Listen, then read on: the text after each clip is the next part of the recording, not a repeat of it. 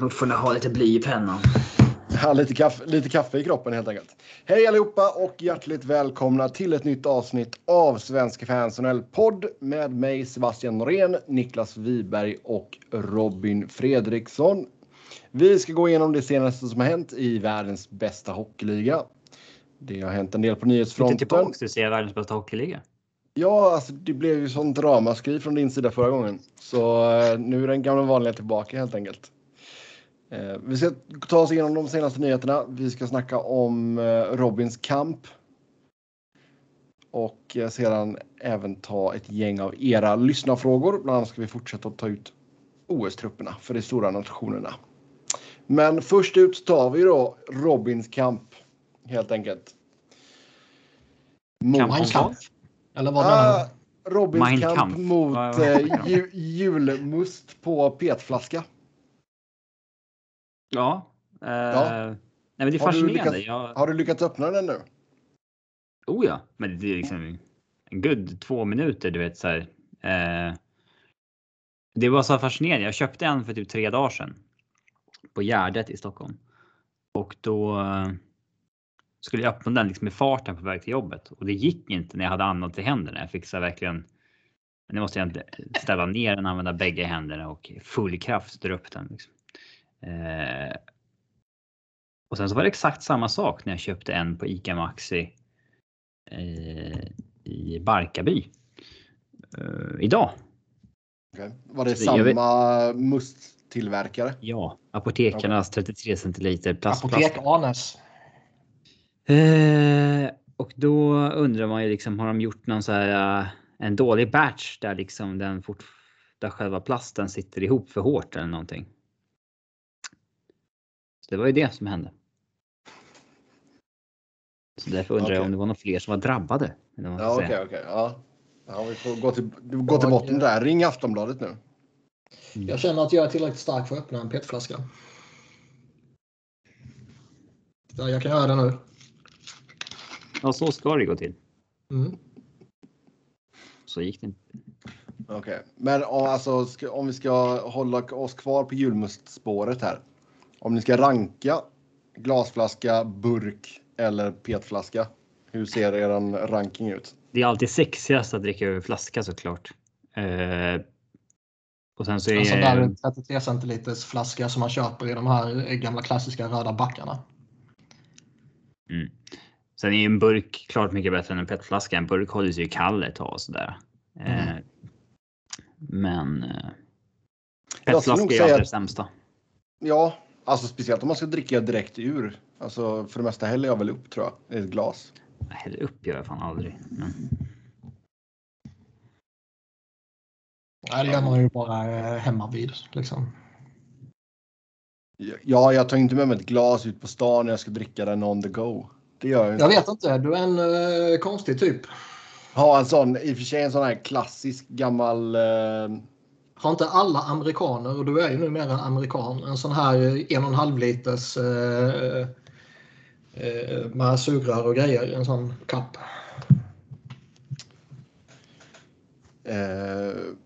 ser man ju på alla bilder i alla fall. ja, du menar en sån, vad heter det? En mugg liksom. Ja. Ja, jo, nej, en sån har jag inte. Du måste omfamna amerikanen i dig. Mm. Ja, den är inte eh, någonting eh, för mig faktiskt. Ja, svagt. Tappar jag lite respekt för dig. Ja. Nej, vissa kör ju också, alltså, man har ju sett vissa som går runt med en gallon med vatten liksom. Men det är inte amerikanskt att gå runt med vatten för helvete. De kanske har eh, slängt i någon sån här proteinpulver eller någonting i. Uh, ska vi se, nu ska vi försöka lösa liven här också. On the go. Sägs att ni inte hörs. Kul. Så blir det. Jag, försöker, jag mutar Robin så han ska kunna snacka lite dynga och sen så vill inte skiten funka såklart. Ja, ja. Det är vad det är. Jag får försöka pula på det medan vi kör här. Ehm, först ut då Bob Murray avgår som GM för Anaheim. Um, Gick fort efter- där. Ja, det gick fort. Det kom fram lite grejer där att han inte har uppfört sig eh, på ett bra sätt. Mm, Ja. Ska in på uh, alkisanläggning eller vad man säger. Anläggningen. Mm. Ja, i rehab ja, för alkoholmissbruk. Man är ju lite eh, så att det är ju rätt eh, lägligt att han råkar vara eh, alkoholist. Ja, det var lite så att det, så här, det kändes som. Eh, men först kom det ut att han är avstängd pending liksom investigation om eh, allmänt dåligt beteende typ. Ja, varit ett rövhål och satt in en, eh, haft en härskarkultur och, och skrämselkultur och sådana där saker. Dock så tänker jag att jag tänkte inte så här att jag reagerar på så här. Uh, Gud vad hemskt, utan det är mer så här. Ja, så kan det väl vara i vissa organisationer ibland att chefen är på det sättet och framförallt när det har gått dåligt i flera år. Mm. Eh, Så det var inget så jag reagerade på som så. Det har ju inte kommit ut några så här konkreta eh, historier på något som man liksom uppen eller klart tänker så här. Det här är inte okej. Nej. Inte, inte som jag har sett i alla fall. Nej, jag har inte sett några eh, exempel så att säga heller. Man vill ju inte hänga honom för en trial så att säga. Men eh, Jo, det är väldigt lä- jag i den här podden. sen så, ja, som du säger, väldigt lägligt att han eh, eh, då helt plötsligt, nej men han ska gå in i alkohol abuse programmet. Mm. Och det är så, ja. Man blir lite konspiratorisk och tänker liksom, ha, har han verkligen haft alkoholproblem eller var det här bara en eh, att man köper sig något sorts alibi för ett beteende man har haft de senaste åren. Man blir väldigt misstänksam, det blir man. Det gick så snabbt också det här. Det hade ju inte ens hänt i, när vi snackade förra gången. Nej, det hade det inte va? Nej, det hade Nej. det inte. Och inga, nej vi skulle ju nämnt det i så fall. Mm. Det gick inom loppet på några, några dagar bara. Först var han ju Mm. på typ någon sån här administration... Äh, ja, han var på någon liv först och sen... eh, Någon så liv. det... Ja. ja, men du vet vad jag menar. Ja, jag vet vad du menar. Det är ett svårt ord. Eh, ska vi se. Men alltså det har ju ryktats om honom lite till och från sådär under åren att han är en, eh, en hård jävel och kan vara en eh, krävande jävel och kan vara och så kan man upprepa en massa sådana ord. Eh, hur han har behandlat sina coacher och i vilket arbetsklimat det har varit. Men det har aldrig varit snack om att det har varit något extremt. Mer än att det kanske har varit lite, lite mer där än på andra håll.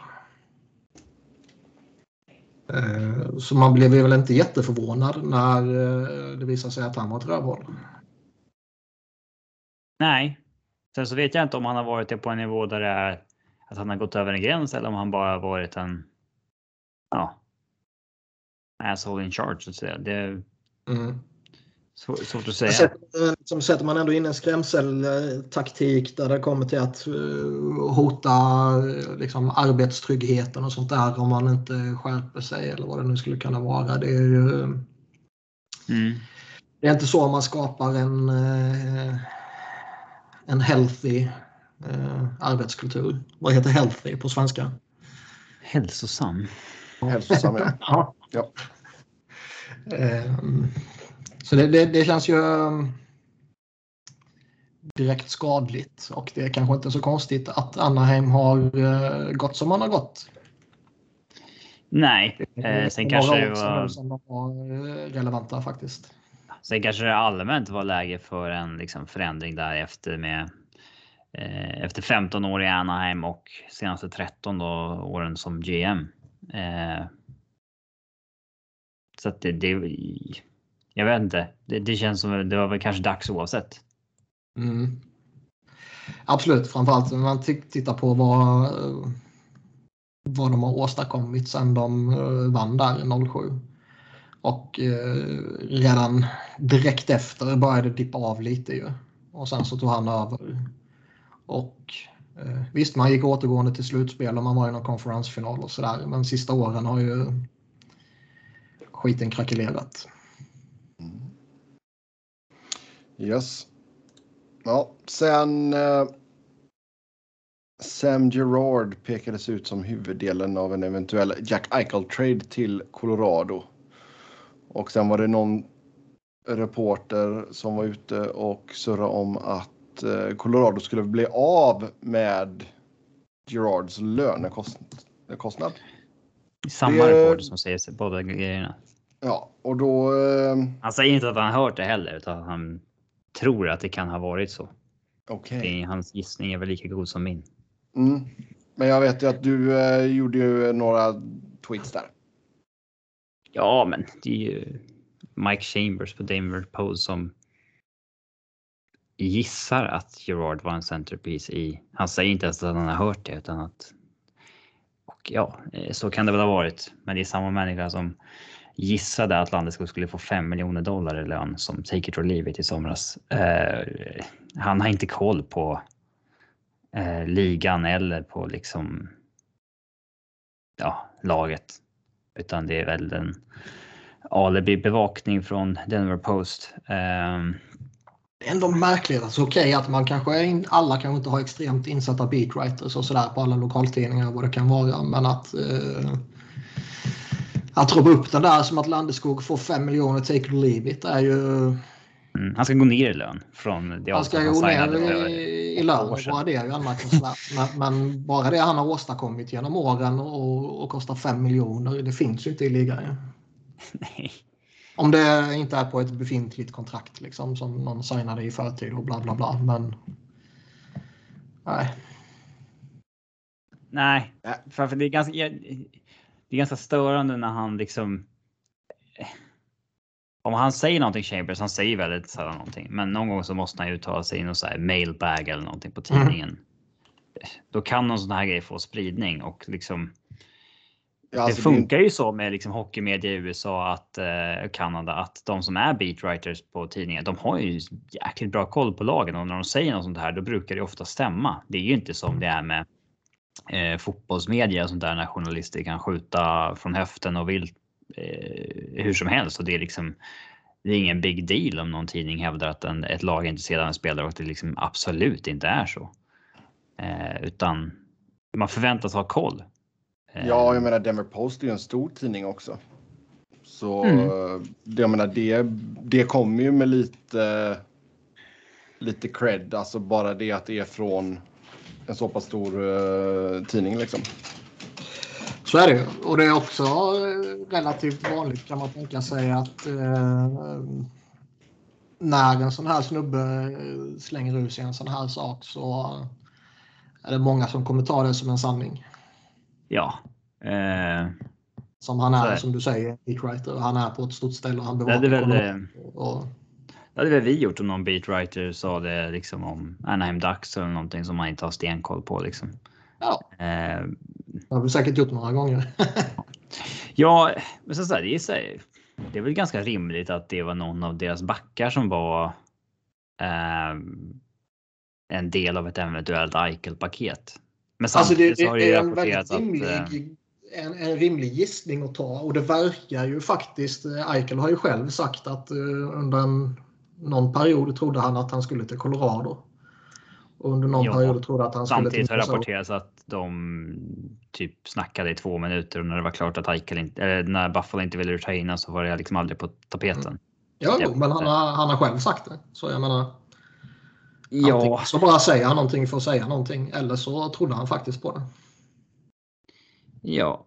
Eh, kanske det.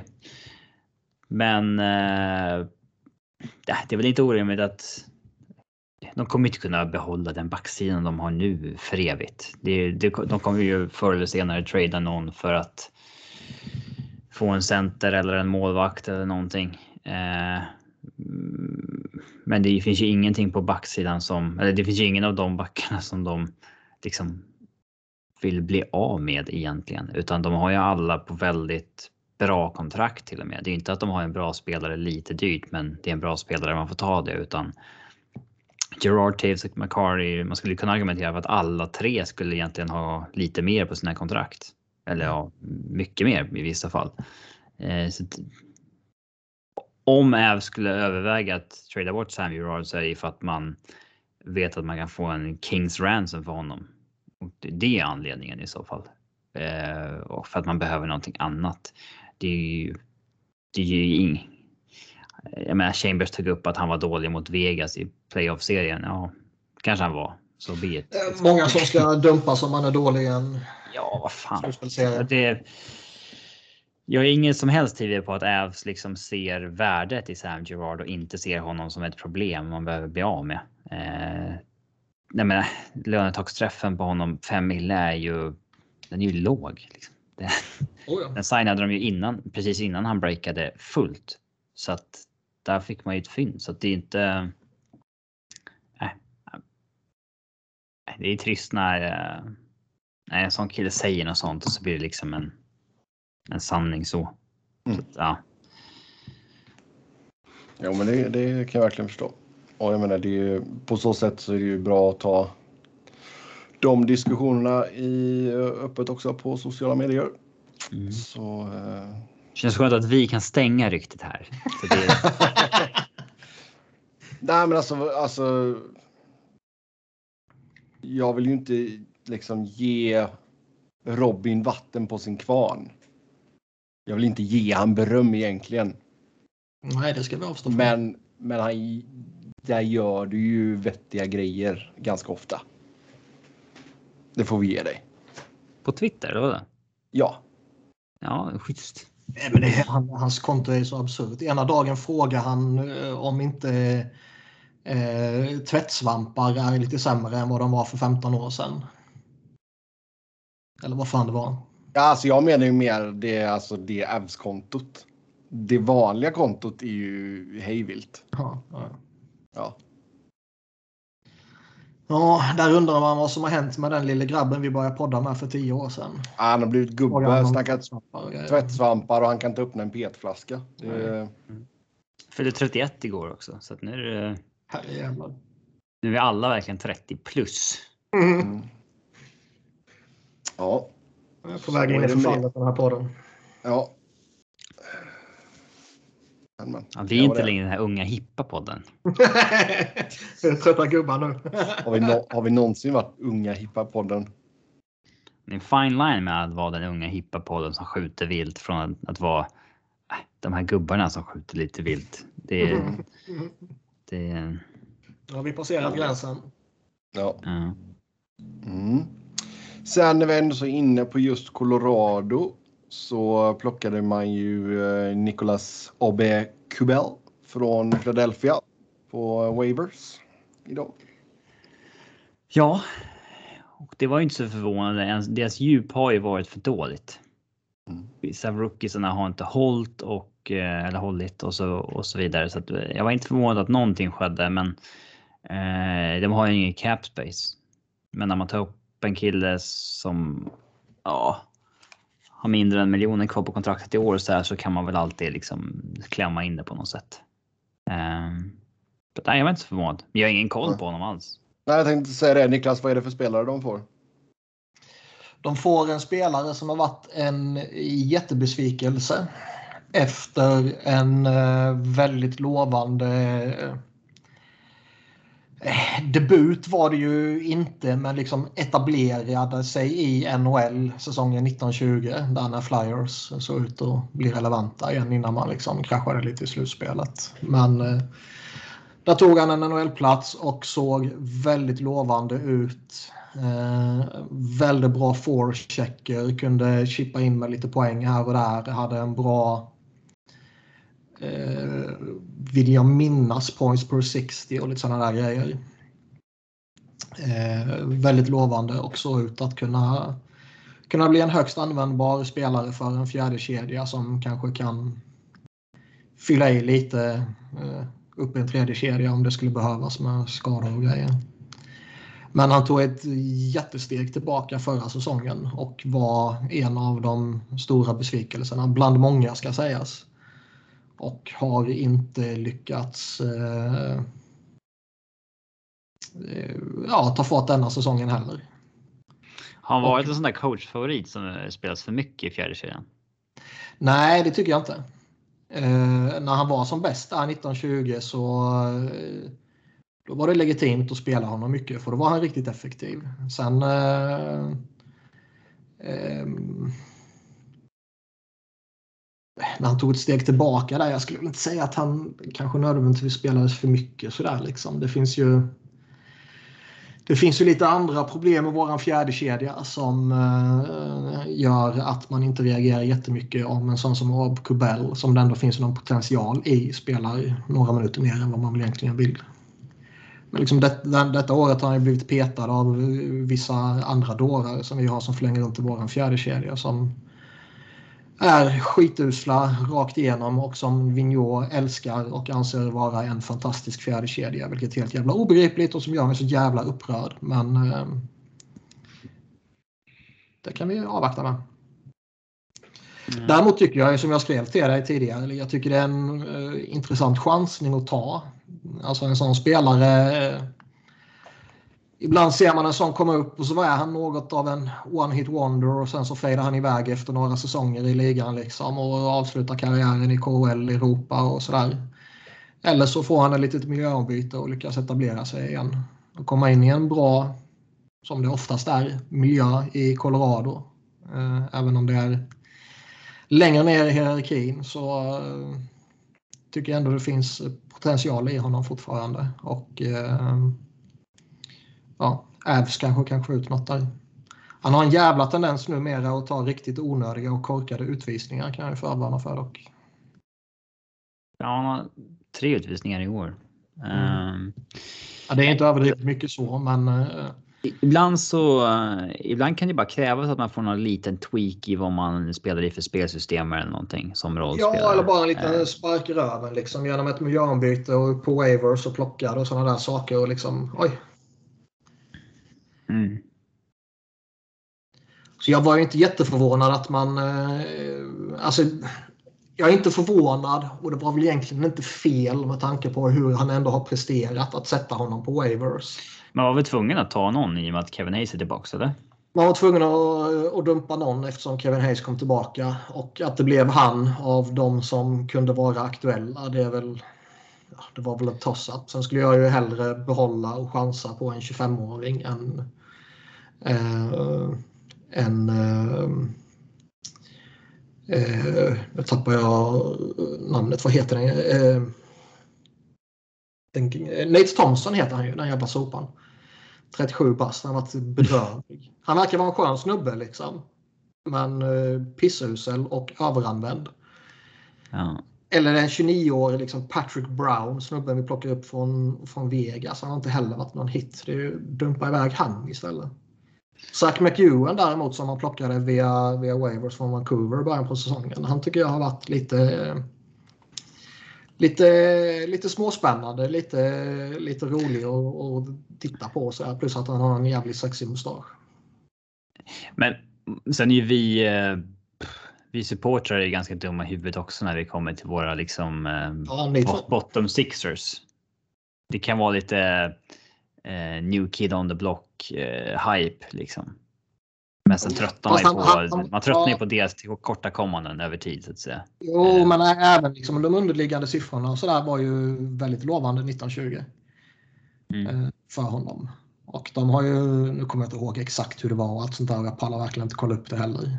Men eh, han har, ju, han har ju tappat och det har ju varit ett stort, eller stort, men det har ju varit ett diskussionsämne i Flyers-kretsen. Mm. Man får se om han kan komma tillbaka. Ja. Eh, det är väl dock någonting som vi givetvis aldrig skulle skrivit upp på körschemat om det inte råkar vara något av våra lag. Nej, exakt. Och lag, så då blev det ännu mer relevant för, för oss. mm. Men våra lyssnare liksom följer ju våra lag på grund av oss. Oh ja. Vill man hänga med i podden så är det det man ska liksom då måste man följa våra lag. För det ganska... mm. Framförallt måste man antingen följa eller hata flyers. Mm. Vad, nu kommer jag att tänka när du sa Nate Thompson. Ja, när du sa Nate Thompson där. Var det när Nate Prosser var där som de gjorde den här Trust the process va? Trust the processor. När han Ja, gick in i line-upen. Uh, Liksom en sån där grej är liksom rolig en gång. En, en gammal veteran och man slänger in honom för att det, fan, man har någon jävla skada eller någonting och han gör mål. Det är skithäftigt ju. Det, det tycker ju alla liksom. Men vet när han fortsätter spela och man liksom petar eh, Ghost för honom och allt vad fan man höll på med. Då är det ju liksom, skjut av coachen för helvete. Och han fortsätter ju med sin dårskap denna säsongen också med fjärde kedjan och du vet plockar bort Travis Konechny från powerplay helt och hållet samtidigt som man tycker det är en bra idé att prioritera upp eh, Brassard i PP och före honom. Och man slänger ihop konstiga kedjor, konstellationer som är helt eh, orimliga och man struntar i det rimliga och man eh, överspelar fjärde kedjan som är skitusel och tillbakatryckt och har verkligen jätte, jätte, jättedåliga underliggande siffror när man tittar på andra fjärdekedjor och sådär. Och... Nej. Ge mig bara Bruce Boudreau för helvete. Ja. Otippat ändå att Niklas skulle börja hata en Flyers-tränare till. Men grejen är att han, han, var, han var ju... Han överträffade ju alla förväntningar i 1920 där. Han var till och med rolig och charmig och underhållande och sådär liksom. Och sympatisk. Hackstolls första säsong också. ja, men eh, sympatisk och, och väldigt känslosam just kring eh, allt med Lindblom och sånt där. Eh, och, och de spelade en rätt rolig hockey, även om det var lite dump and chase eh, under stunder så var det ändå en rolig hockey och framförallt framgångsrik hockey. Och sen så när de kom till slutspelet där så var det, ju- fick han någon jävla mindfuck och skulle ju styra om och lägga om och det skulle börja säkerhetsspela och det skulle fegas och det skulle fan och skit liksom. Och han har ju... De har ju bara fortsatt och jävla Michel Therrien ska vi inte prata om. Herrejävlar. Är det inte lite alltså, så här, när man hugger på ASS-coacherna? Hur, hur mycket vet man vad som är deras beslut och skit egentligen? Nej, Alla säger ju att han ansvarar för PP och PP är ju helt jävla odugligt. Det är jättekonstiga konstellationer. Man har Claude Giroux som har gjort flest PP-poäng i ligan de senaste tio åren. Eller om det är 10-ish. Jag kommer inte ihåg exakta datum. Eh, så det är ju obestridlig fakta att han är bäst. Liksom. Och då väljer man att plocka bort honom från den positionen när han har varit bäst i tio år. Och man värvar Keith Yandel som är de senaste åren en av ligans bästa PP-specialister. Plockar bort honom från första uppställningen och tycker att eh, det är rimligt. Man har JVR som är en av ligans bättre spelare runt kassen. Sådär, plockar bort honom från första uppställningen och ibland spelar man honom inte ens framför kassen. Man plockar Connectny helt och hållet från powerplay och det är konstiga jävla grejer hela tiden.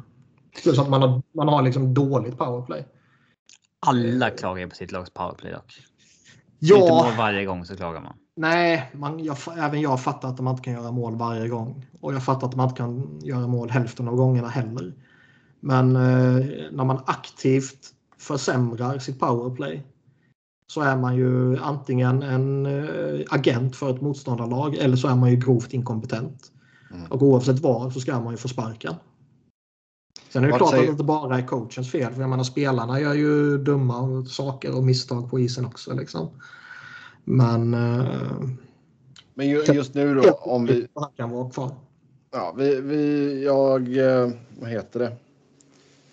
Jag låter eh, Niklas fortsätta på det här Flyers sidospåret som vi har glidit in på. Jag kommer Alltså- fortsätta oavsett om du tillåter det eller ej, det vet du. Just nu så är man rankade 21 i PP, 17,1 procent. Vad, liksom, vad är en godkänd siffra för dig liksom? Alltså en siffra, vi är fortfarande väldigt tidigt på säsongen. Eh, Lagen har spelat knappt 15 matcher väl, eller om någon har tagit förbi sig 15 matcher också kanske. Och det är ju lite för tidigt ändå tycker jag för att man ska ge en rättvis bild av ett powerplay. Men det är ju mer hur det ser ut liksom. Eh, Och hur man ställer upp och hur man formerar sådana sådana sjuka jävla grejer. Ja, alltså just nu har vi ju extremer åt båda hållen. Alltså Edmonton toppar på 42,5 Ja, det Och, kommer eh, jag förmodligen inte hålla. Och Pittsburgh ligger sist med 9,1. Ja, det kommer väl rimligtvis inte hålla heller när de har kommit igång fullt ut och spelare tillbaka efter eh, eller kommit tillbaka från covid-protokollet och Malkan är tillbaka och allt vad det är. Liksom. Mm. Så det är fortfarande lite uh, udda grejer sådär. Men uh, jag tycker ju absolut att, att Flyers ska vara bättre än, vad sa du, 21? Ja. 21 plats just nu. Man kan ju vara lite lägre ner för att man liksom inte har material. Ja, men alla kan ju inte vara på över halvan. Så det... Nej, så är det. Men som jag sa tidigare så har man eh, material för det. Du har den som är de facto bäst i hela världen på det. Du har eh, en annan som är de facto en av de bästa. Du har en tredje som är en av de bättre just i den rollen där framför mål som sagt. Och sen har du andra vettiga inslag också. Couture är en duglig PP-spelare till exempel. Du har Atkinson Connectney som är dugliga skyttar. Du har en eh, Faraby som gör nytta lite överallt. Du har en Ryan Ellis och du har en Ristolainen och du har en Probov Sandheim som kan vara dugliga för ett andra par också. Liksom. Men, ja. Powerplay är inte svårt. Ställ upp i en jävla paraplyformation och bara skjut sidledsförflyttningar och skjut för helvete. De gör ju inte ens det. det är... Skjut! Ja. ja. Klassiker. Ja. Yes. Ställ framförallt spelare som de faktiskt kan skjuta direktskott. Och inte med klubborna och fel riktning och skit och grejer. Mm. Ja, var du klar där? För tillfället. Okej, okay, bra. Sen eh, Tuka Rask har gått på is och eh, sägs då ha påbörjat sina förberedelser mot en comeback. Och eh, ja, Boston bör väl ligga bra till där. Ser man på deras målvaktssituation, vem... Eh, Swayman har lite bättre siffror än Ullmark. De har fått stå eh, hälften av matcherna var. Ja, alltså målvaktssituationen är väl... Eh, de kommer ju cruisa till slutspel. Liksom ganska chill tror jag. Så det är inte något... Så länge de har dugligt målvaktsspel så ser jag inget riktigt problem med det. Sen om eh, Tucka är villig att signa liksom ganska billigt då behöver de ju inte... Alltså de, de kan ju ha tre målvakter. En kort period, säsongen ut. Om det är så. Det är inte eh, mer med det, tänker jag. Jag tror väl, det var lite snack inför säsongen att Swayman måste eh, gå via waivers och där kommer han ju bli upplockad ju. Det, det måste han inte. Mm. Inte än? En, nej, inte än i alla fall. Var det inte snack om det? Eller blandar jag ihop det? Han och Vladar kanske? Ja, det måste jag ha gjort eftersom det var han de tradade då ju. Mm. My bad. Men oavsett vilket så är väl han kanske tillräckligt bra för att vara i NHL kan jag tycka. Och eh, man har committat rätt stort på Ullmark. Ja, den var fan konstig alltså. Det... Mm. Visst, man hade väl lite panik där kanske. Ja, men som jag sagt tidigare, är jag, alltså. nej, men är jag typ eh, Colorado så kommer jag ju definitivt undersöka Tokrask. Darcy Camper är ju en, en duglig målvakt sådär, men det är ett frågetecken. Ja, framförallt så är det ett frågetecken med tvåan, Pavel Fransos. Mm. Som signade en förlängning för 21 mål sen som man fortfarande inte har spelat en match på. Mm. Tre olika skador som har kommit efter varandra. Eh, så att... Eh, kom ju någon rapport också om att Rask har ett OS i sikte. Ja, men det verkar ju dock som att han är 100% inställd på Boston och, eller ingenting. Så att... Eh, ja. Men det kan ändras fort om Boston säger att ah, vi får avvakta lite. Och sen så kommer en, eh, en contender som Avs och säger hej. Ja, kanske det. Hallå, säger de. Men ja, det hade väl varit kul om han kunde lira OS. Um... Ja, för honom. Jag bryr mig inte jättemycket. jag vet inte vad du förväntar dig. Nej, men alltså, jag menar, om, man är, om, om man är tillbaka till dess menar jag. Ja, ja, det är absolut inte säkert men... att han får spela i OS. De har ju en rätt hygglig målvakt i Jussi Saros. Ja. De har fan inte lika bra målvaktssida som de hade en gång i tiden, finnarna. Nej. När de hade liksom... Tappat eh, tidigare hade de en bra backsida också. Det finska målvaktsundret är över. Ja. det går väl i lite cykler. Alltså, du lär ju ha en del kids som kommer upp här om ett gäng år tack vare Pekarinne va? Tack vare Pekka. Men de hade ju en jävla generation här med eh, Rinne Rask, eh, Antoniemi, Kari Lehtonen, eh, Niklas Bäckström. Eh, pff, glömmer jag någon Kiprosov. Kanske lite tidigare i och för sig. Ja. Men liksom post lockout eran så har de ju haft. Ja, runt 10 etablerade eh, första målvakter i NHL. Mm. Det har inte Sverige haft direkt. Nej, nej. Verkligen inte. Känns som det, någon vi glömmer. det är Ja, det säkert. vem kan det vara? Jag vet inte. Vi kan, eh, ja, vi får se. Vi kanske spelar in en pingpong. Uh, ja, Vem glömmer vi? Det är pingpongen. exakt. Vem glömmer vi? Sen står det klart att eh, Leo Komarov lämnar New York Islanders. Och, Det här med på körschemat. Skriver på för SKA i KHL. Eh, nu när du läser upp det så förstår jag inte riktigt varför jag har skrivit upp det. Du, det är för att du är... Du älskar Han ger upp rätt mycket lön såg jag. Ja. Jo, han har ju en stor, eh, eller relativt stor eh, lön. Så det är de ju glada för. De har skakat bort lönekostnaderna när de först blev av med Johnny Boychuk eh, förra veckan och nu Leo Komarov. Mm. Det är ju alltid tacksamt såklart. Oh ja. Alltså de har ju, ska vi se vad har de att röra sig på just nu? Projected Cap Space 3,5 miljoner. Det känns ju som att han clearar det här för att han har, han har någonting i görningen. Uncle Lou. Alltså, nej, det, det behöver inte nödvändigtvis vara så. Det är mer att eh, man kan eh, eh, skaffa sig utrymme framåt också.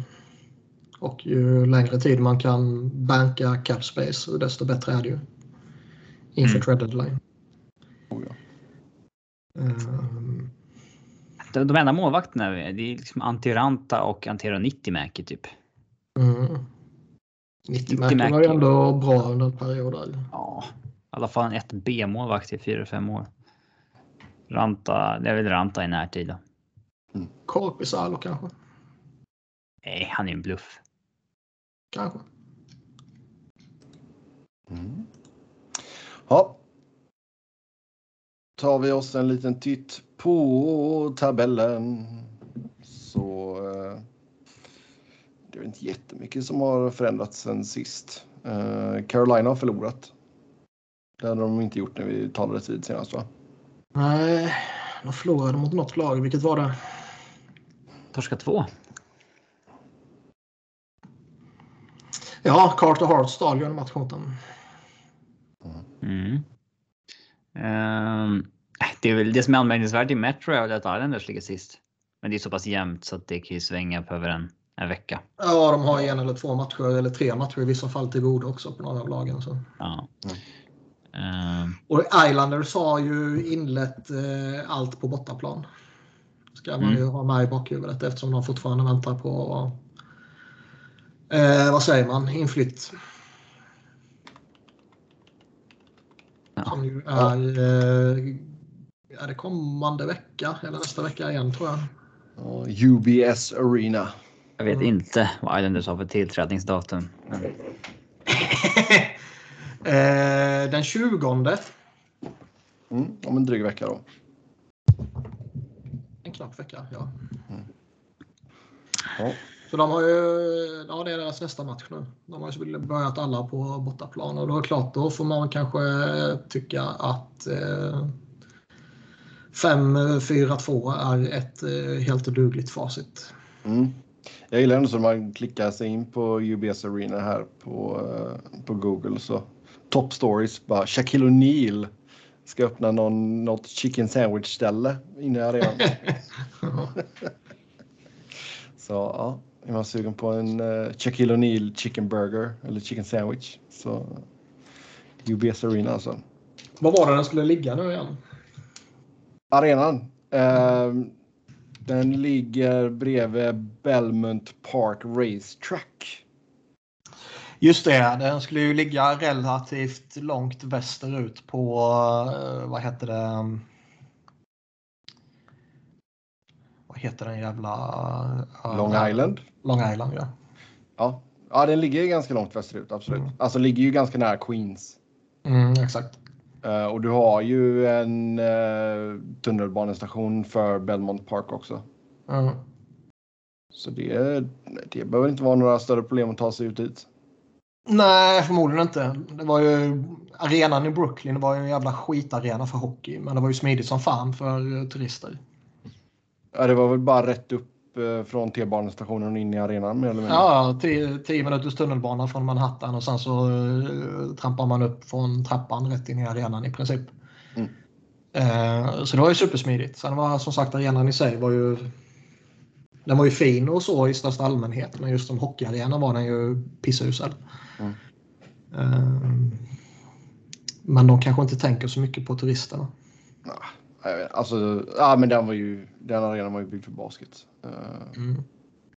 som sagt, men det är ju, nej alltså det är ju det är en bra grej att ha det så pass nära.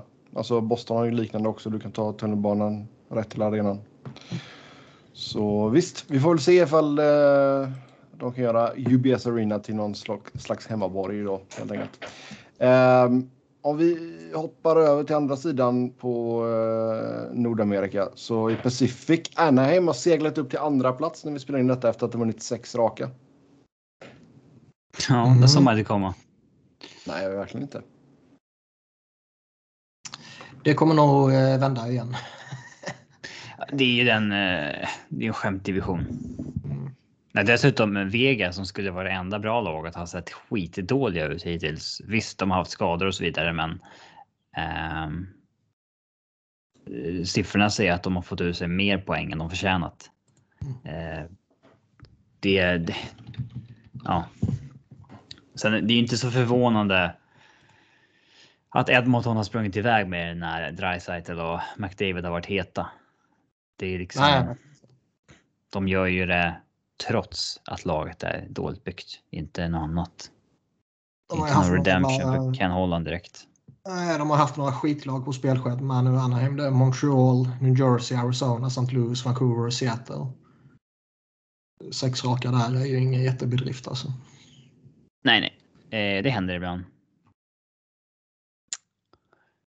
Mm. Det roliga i Pacific är ju annars Vancouver. Ja, där kan man ju fundera på om något kommer hända snart. Eh, Det börjar ju skrikas lite bland supportrarna igen, vilket det lätt eh, gör i Vancouver. Och vilket absolut ska göras i Vancouver med tanke på hur det har skötts de senaste åren. Ja, herregud. Eh, och ja, trillade in rätt många mål här också. Och eh, bakåt alltså. Och, Ja, det var ju två raka matcher där man släppte in sju baljor liksom. Mm. Det- men jag såg, det var Steve Dangle som dunkade upp någon tweet tidigt i morse. Ehm, uh, mest stabila jobbet i Kanada är att vara NHL general manager. Uh, då har alltså Chevaldeya har varit i Winnipeg sedan 2011. Mark Bergevin har varit i Canadiens sedan 2012. Tree Living 2014, Benning 2014, Dorian i Ottawa sek- 2016, Dubas 2018 och Holland 2019. Mm. Så jag menar Benning har ju varit där jäkligt länge och jag menar vad. Vad har Vancouver gjort under hans eh, liksom styre? Inte ett skit. Inte Ja, nu dras det upp massa gamla citat. Han har sagt att år fyra eller fem, då kommer vi vara med och slåss och så vidare. Och Mm. det här är åttonde året.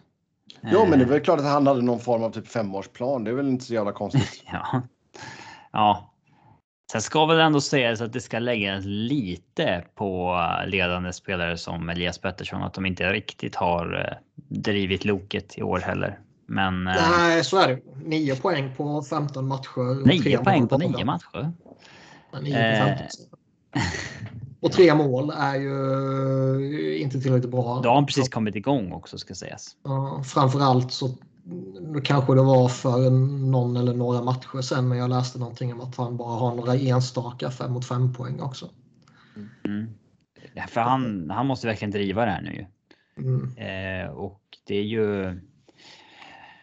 Eh, det är lite både och. En sån spelare måste ju ha kunna inleda en säsong 15 matcher lite svagt utan att det ska liksom sänka hela laget. Ja. Eh, men samtidigt, det har de inte råd med. Laget är för dåligt i övrigt. Ja, alltså, Ja, alltså, det är konstigt byggt alltså. alltså det är ju samtidigt tur för dem att de är i divisionen de är. För jag menar, det, är, ju- Ja, det, det, det är inte kört. Så Nej. är det.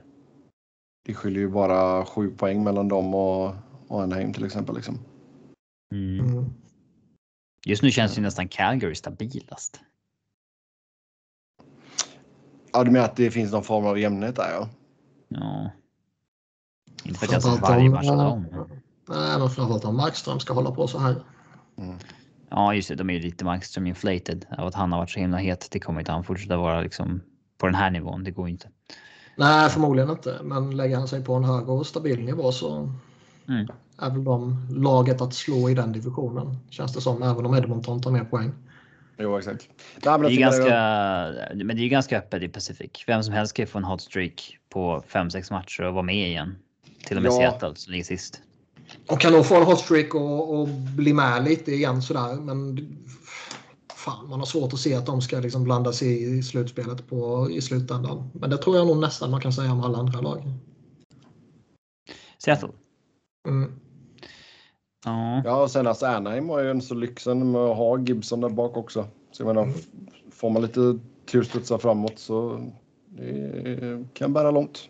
Absolut. Eh, vi ska se, Ryan Getzlaff börjar ju närma sig 1000 poäng också. Han står på 997 just nu. Väldigt spännande. Ja, de tar alltså. Nu är det bara en och en halv timme tills deras match eh, börjar mot Vancouver. Kan han göra tre poäng i natt. Ja, exakt. Så vem vet, när ni lyssnar på detta då kanske han har gjort 1000 poäng. ja. Ja, mot jävla Vancouver så finns det väl alla möjligheter i världen numera känns det som. Mm. Sen i Central. Där är det också ganska jämnt. Minnesota i topp. 20 poäng. Sen har vi Winnipeg och Nashville på 19 vardera.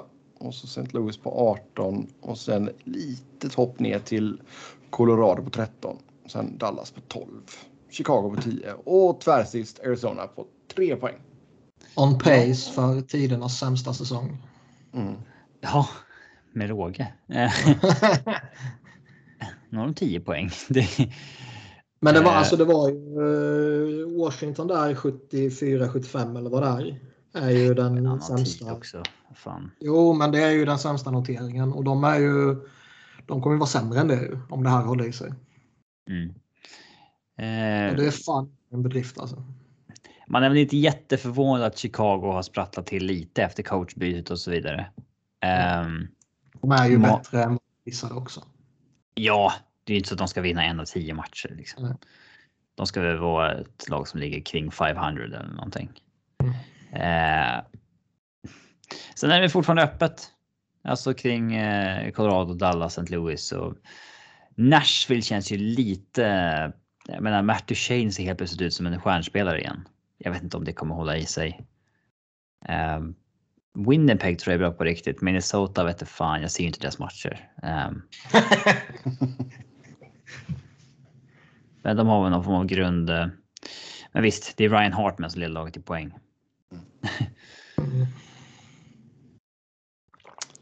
Japp. Men jag är väl inte orolig för Avs så i alla fall. Det var lite synd att nu är McKinnon borta tre veckor igen och sen så fick Bowen Byram en, ja, sin tredje hjärnskakning på sin 30 långa matcher NHL-karriär hittills. Det är lite oroande. Lite oroväckande. Ja. Oh, ja. Det, han hade ju dessutom haft åtta poäng hittills i år och inte spelat powerplay så mycket. Det är en jävla. Det är en jävla fördel att ha en sån här backsida där det inte spelar, alltså. Där du har den nivån på så många backar. Ja, verkligen. Och så här, det, det är många som säger ja, men byt bort en. För de hade ju inte råd att ersätta Brandon Saad. Så att Nitushkin har ju fått gå från en third liner till en andra liner. Vilket är ganska fint tycker jag. Eh, men har man en skada eller så, då märks det ju. För då har man Mm. helt plötsligt en till i topp 6. Men det är ju ganska många som är sådär, ja men byt bort en i topp 4 på backsidan, en Girard eller en, oftast Girard som folk föreslår. Eh, mot en eh, top 6 winger. Men jag vet inte. En toppparsback är värd jäkligt mycket mer än en winger tycker jag. Alltså det, Jag tycker ändå att Colorado, alltså... eh, det, det är så här. Det är lite som när Toronto. När de hade det här vapnet av att ha Kadri som tredje center. Det var liksom deras edge på något sätt. Mm. som man tappade när man gjorde den där traden med mot Tyson Berry. Och alltså det, det är ett unikt vapen att ha. Man har ju tre första backar och sen får man ju se om Bowen bara klassas som en första back efter den här säsongen eller. Eh, Eller en grönsak. ja, vi får se. Men eh, det, det, det, det jag tänker på är ju Nashville och Chicago. När de hade sina superstabila top wars på backsidan. Mm, jag tänkte säga det också. När de splittade upp dem. Då började lagbygget liksom falla isär lite grann. Mm. Är, man ska fan vara careful med vad man har där. Jag tycker också Abs är ju ett läge nu när man eh, behåller dem där, går för det liksom. Och, Men det är så här, det här, eh, det här råkade bli vår edge. Det är det vi Ja. liksom satsar på. Det är Ja. inte, mer med det. Och så länge man har de där toppspelarna i forwardsbesättningen så kommer man ju ta sig till slutspel. Och eh, man får helt enkelt handla vid trade deadline. Ja. Istället för att göra Sen en hänger allt trade att nu så får man ju gå efter en rental då. Ja, sen hänger allt på målvaktsfrågan när det kommer till, till slutet. Får vi se. Men eh, Central är fortfarande ganska vidöppet. Um, Förutom Arizona. De Ja, nej, exakt. Ja, om vi går över till Atlantic då. Eh, här är det ju mycket intressant alltså. Mm, Florida är topp 23, sen Toronto 21. Detroit på tredje plats just nu, 18 poäng. Tampa Bay 4, Det är 17. fan spännande alltså. Mm, Boston 14, Buffalo 14, Montreal 10, Ottawa 9. Mm. Florida hankar ju med i där toppen. de ska ligga. Att, att Toronto skulle gå ha åtta segrar senaste nio, det, det kommer ju inte som en förvåning. All underliggande statistik så att de har varit mycket, mycket bättre än de har fått ut första matcherna. Mm. Men råkade torska mycket matcher eh, för att de hade väldigt låg skottprocent. Eh, men det där vänder ju liksom. Men det är kul att Ändå- följa reaktionerna på Twitter när det, när det går dåligt. Ändå Eh. fascinerande att de hade, var det, de hade typ 15-16 mål tror jag det var där de fyra stora gjorde alla målen. Ja. Inte ens någon, jävla slumppuck slank in från någon annan. ja. Nej. Men man ju hoppats på någon sån här New York reaction i Toronto när de inledde lite, lite knackigt sådär. Det hade varit kul. Mm. Men de är lite för smart för organisation för att göra det. Det känns så. Vad har vi för svensk översättning på New York reaction? Man säger inte knärunk reaktion. Jag tycker vi ska införa det. Det får, det får bli nej. eh, veckans rubrik. Jag skriver upp. Men vi har ju inget ord för det på. På svenska, eller? Knäryck? Nej. Nej, Ehm, ja, det är ett sånt Eh, jerk. Okej. ja, exakt. Det är ett sånt jerk. Exakt. Uh, nej, jag vet faktiskt. Panikåtgärd, vad- eller? Ja, det är exakt.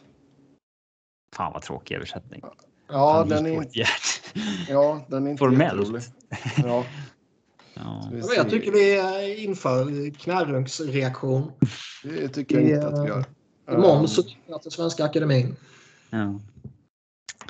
Ehm, men Detroit då som är trea, de är ändå liksom lite watchable igen och eh, Lucas Raymond fortsätter göra poäng. Moritz Seider ser ut som en eh, blivande liksom Norris-back. Ja. Um, Tyler Bertuzzi enormt boostad av sina naturliga antikroppar. Det, eh, jag vet inte fan det kommer hålla hela vägen in i kaklet, men eh, Nej, det är man ju skeptisk till. Men de har ju bra och intressanta och underhållande inslag i sitt lag. Det är inget snack om saken. de har ju ändå på något sätt lyckats trycka på knappen. Nu är vi competitive igen. Och det har gått ganska bra. Mm. Eh, Han Tampa. är fortfarande skadad och borta en tid också. Det är ett, ett tapp för dem. Ja, han är ju typ deras bästa forward. Liksom.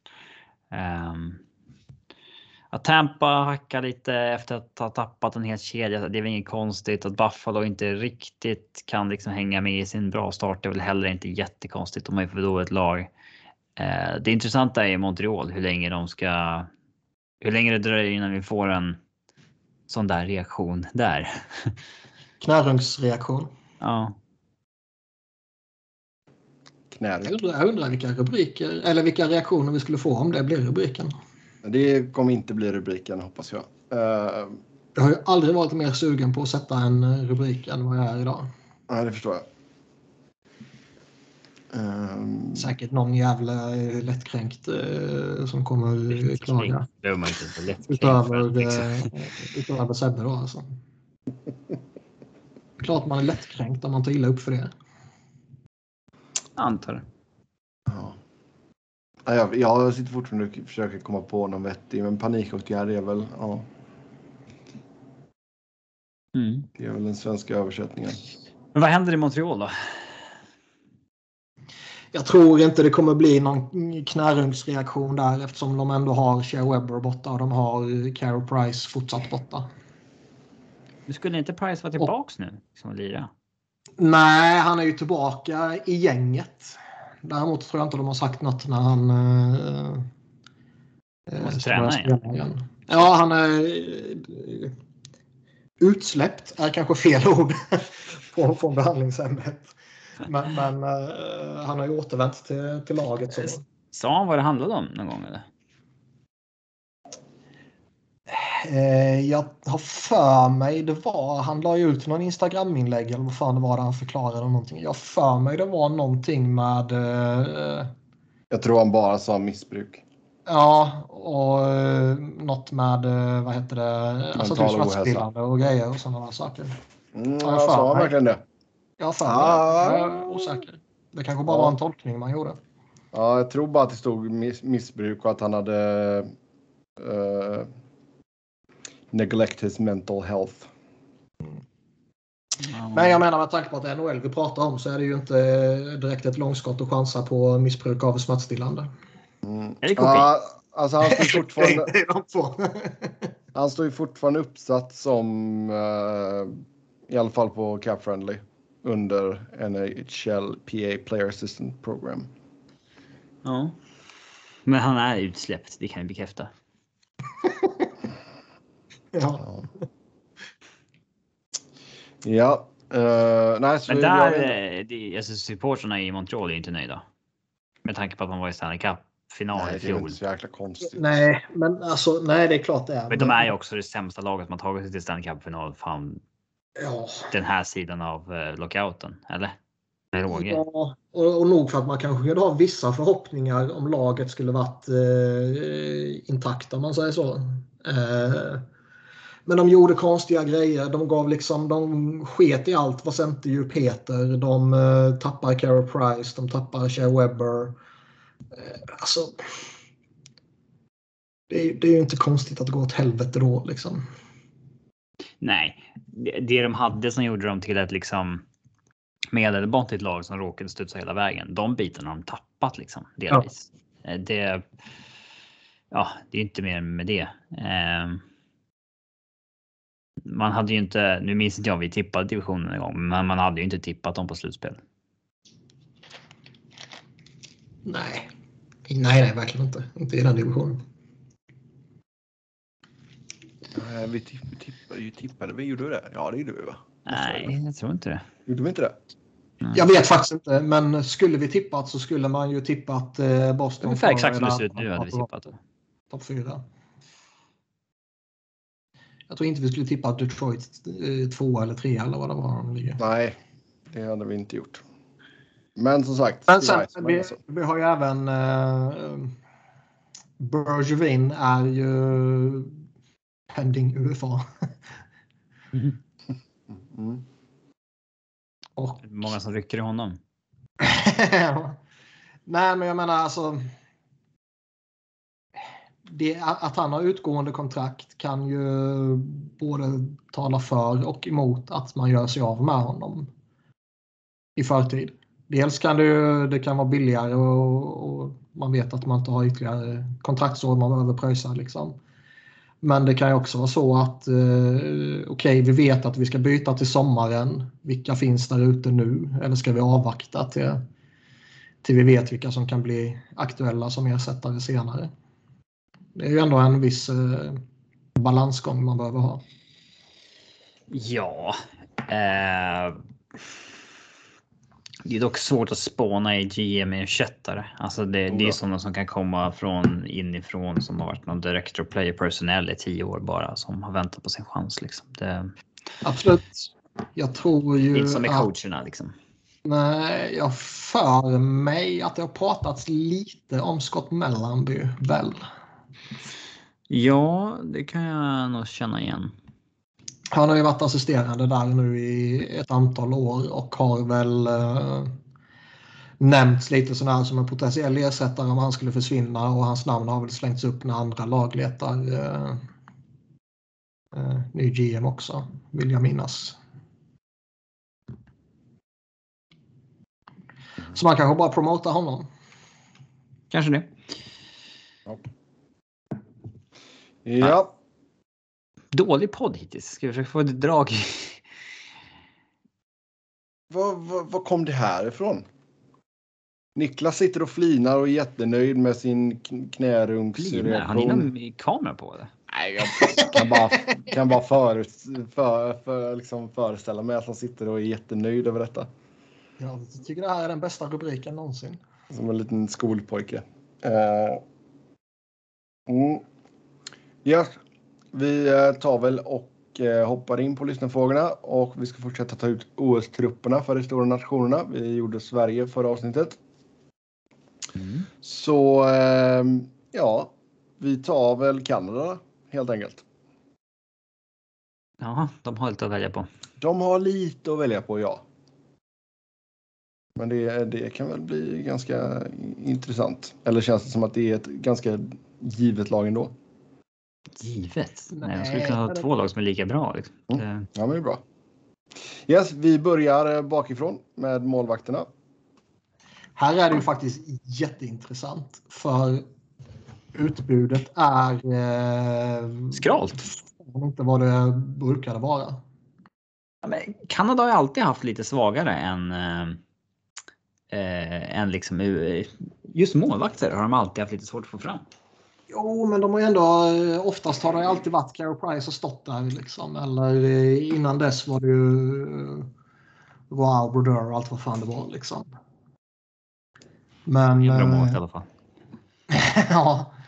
Men jag menar nu har de ju... Det läckte ju ut den här listan de hade. Som man får föranmäla som man sen plockar ifrån. Då hade de ju Carol Price var där och han är ju givetvis ett jättefrågetecken om han överhuvudtaget kommer med. Mm. Eh, ja. Carter Hart var på den. Mackenzie Blackwood var på den. Fleury var på den. Binnington var på den. Och var det Kemper också. Jag, jag, tror Craig Button gjorde inför säsongen, eller han, han gjorde något i somras så satte han Price, Flurry och Kimper. Mm.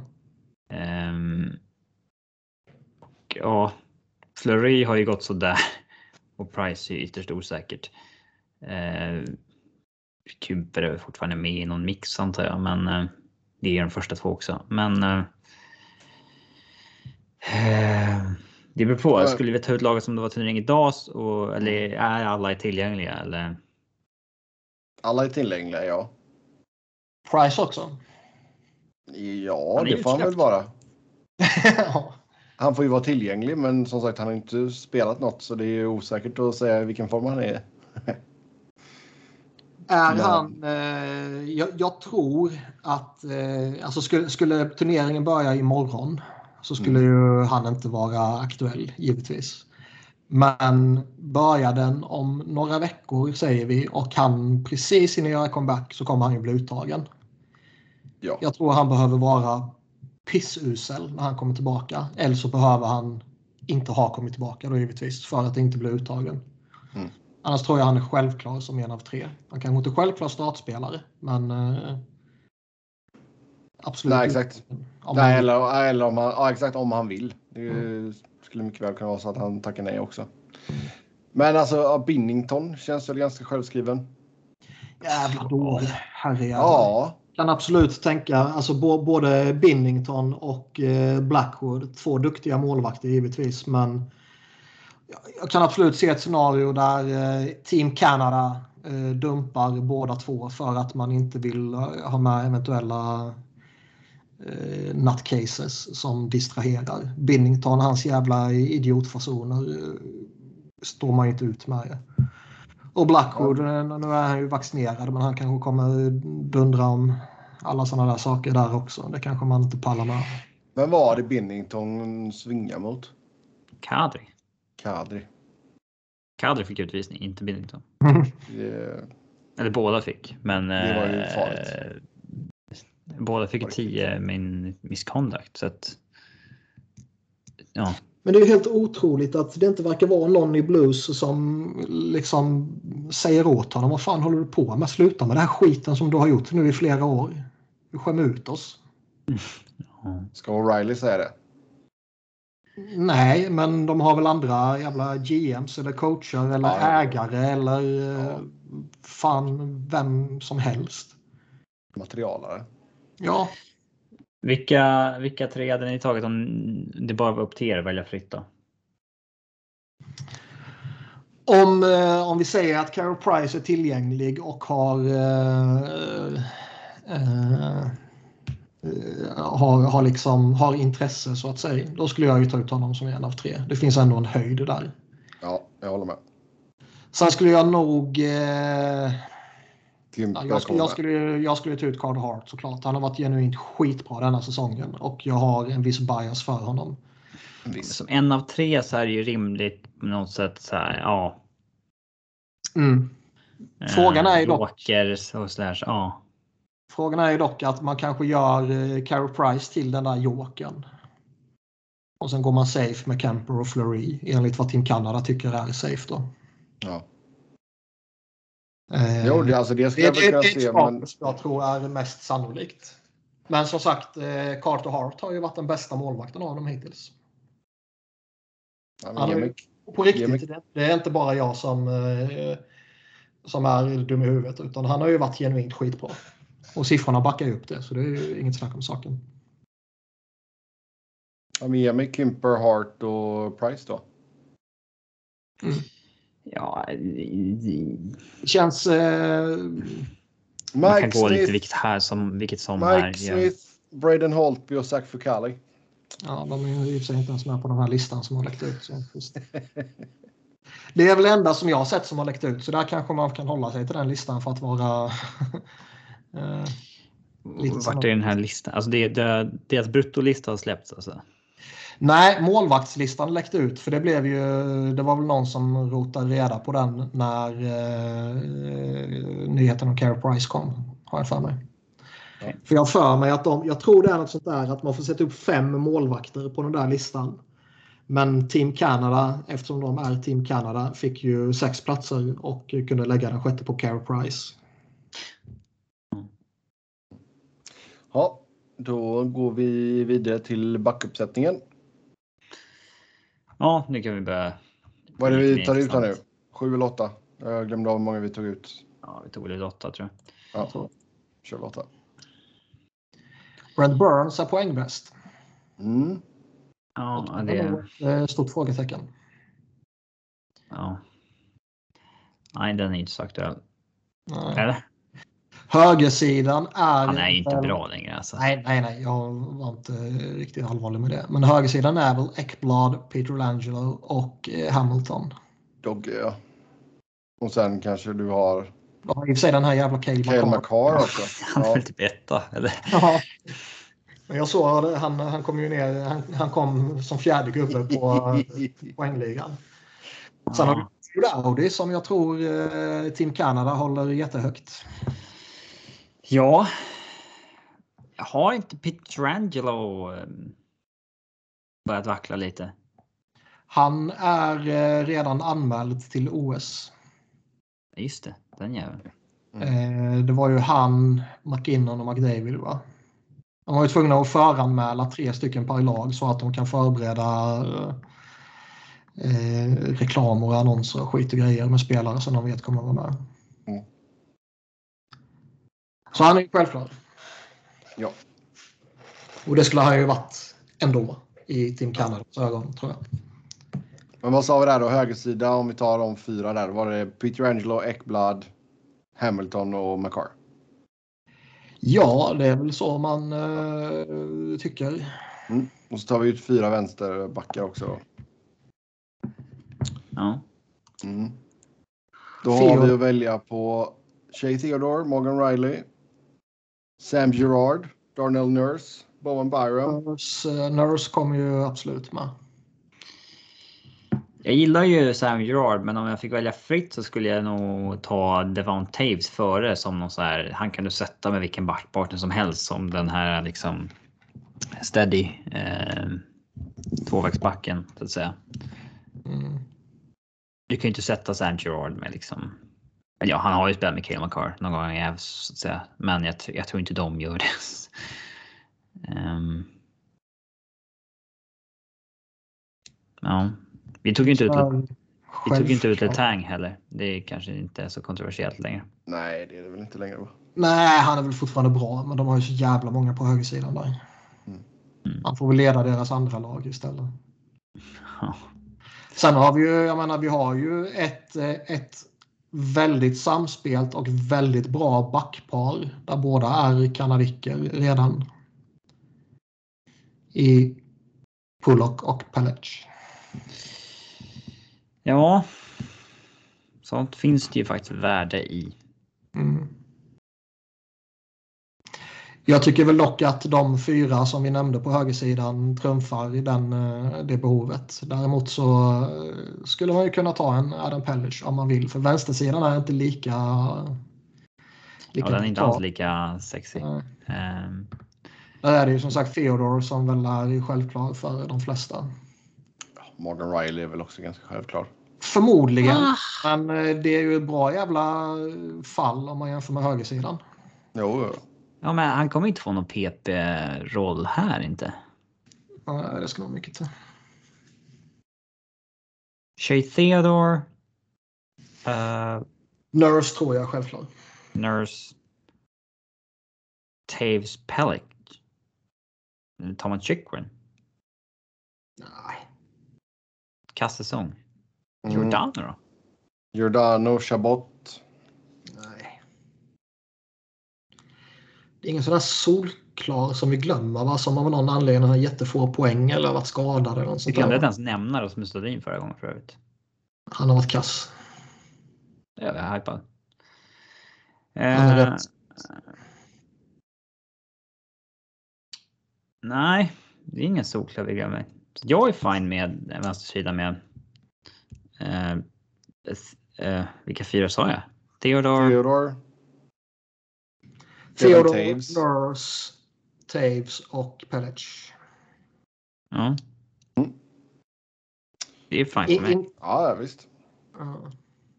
inte ens Team Canada kan ju tycka att Vlasic är aktuell längre. Nej, det tror jag inte. Men vi kommer ju se något så här konstigt i varje lag tror jag. Ja. Men Kanada kommer nog fortsätta köra rätt hårt på eh, höger och vänsterfattade. Ja, Men visst, de det är- kanske tar någon högerfattad extra eftersom de har så jävla mycket mer slagsida åt det hållet. Ja, Ja. så är det. Letang eller Men då- då tror jag nog att- liksom. Då tror jag att Drew. Doughty skulle kunna vara. Ja. Ja, vi går till forwardsen då. Conor McDavid. Ja, som sagt, Conor McDavid och McKinnon. Vem sätter vi med? För de är ju en första kedja de två. Ja, vem skulle kunna vara tredje länk där? Herrejävlar vad det kommer gå undan där. Sa vi att McKinnon var McDavids right wing? Ja, det skulle väl jag göra. Ja, vem är left wing där? En Huberdeau kanske? Mm. En uh, Barzal? Det...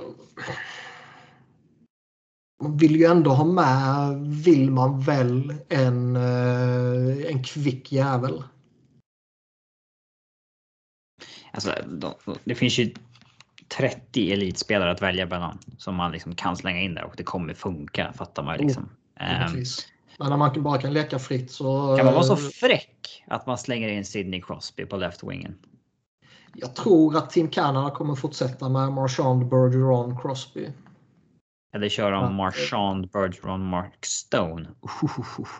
Nej, Jag tror det kan finnas rätt tunga eh, argument för att slänga ihop en fjärde kedja med Stone, O'Reilly och Sean Couturier. Skön fjäderkedja. Fy fan. Mm. Ja. Um, nej, men ska vi säga Hu- Huber då? då? Mm. Tycker jag.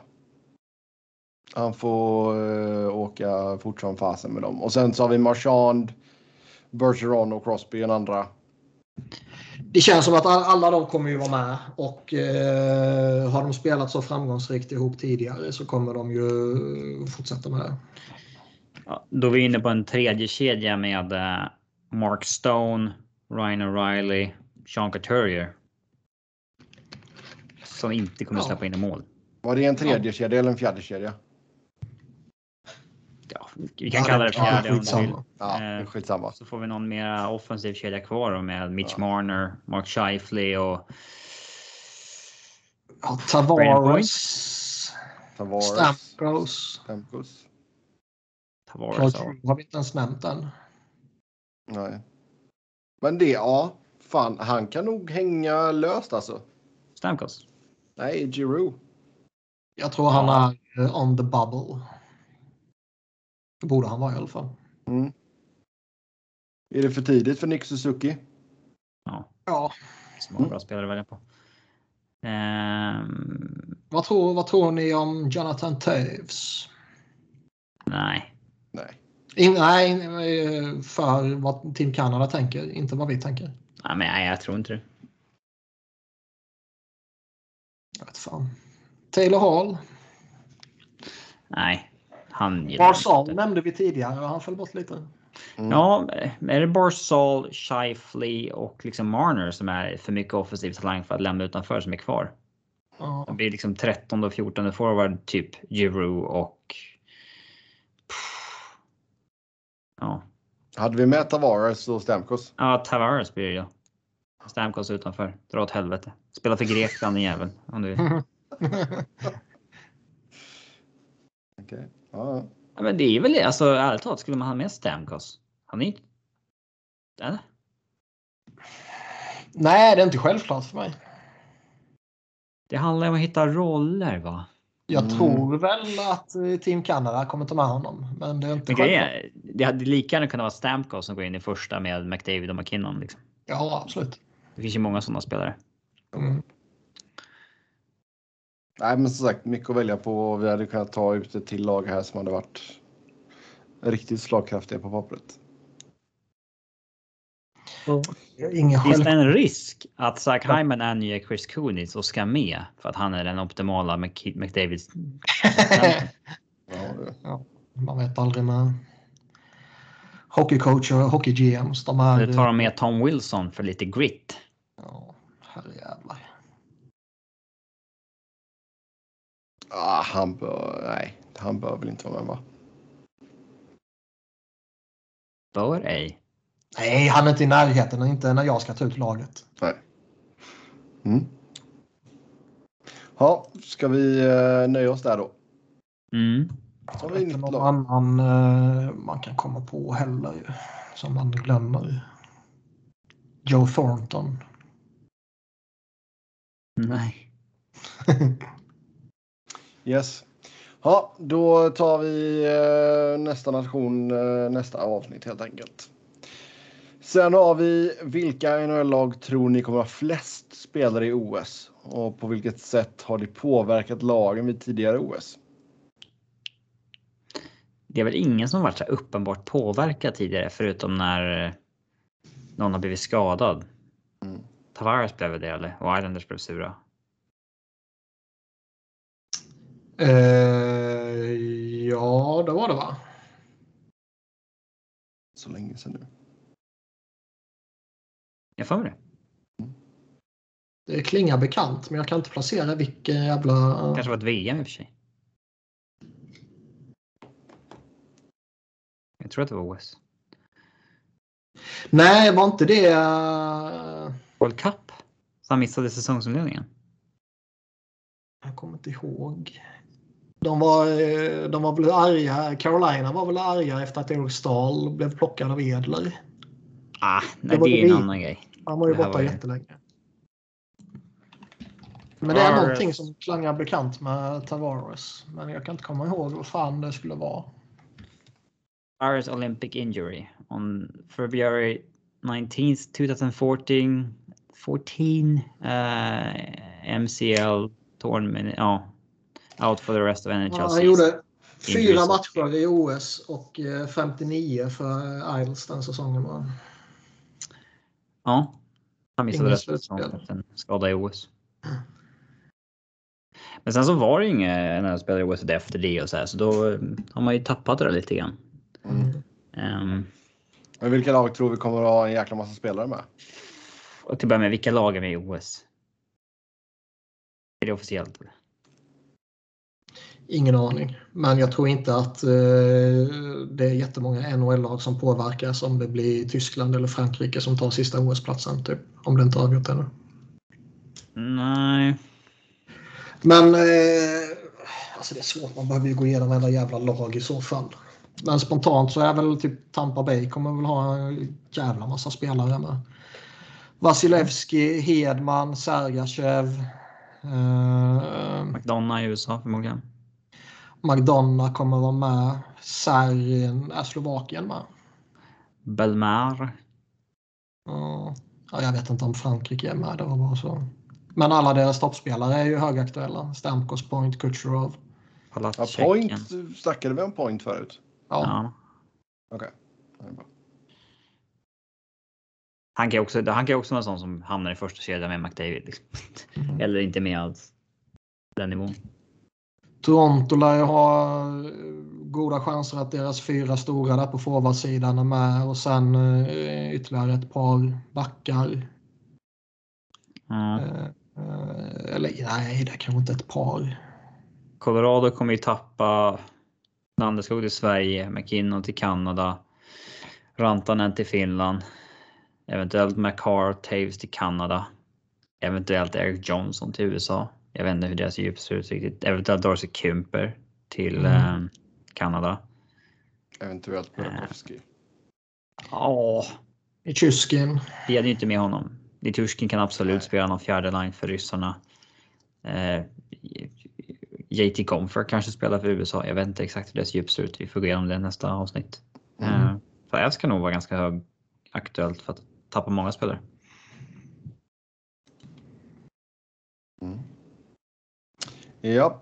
Eh, sen... Det ryktas att eh, Joel Farabee är aktuell för Team USA.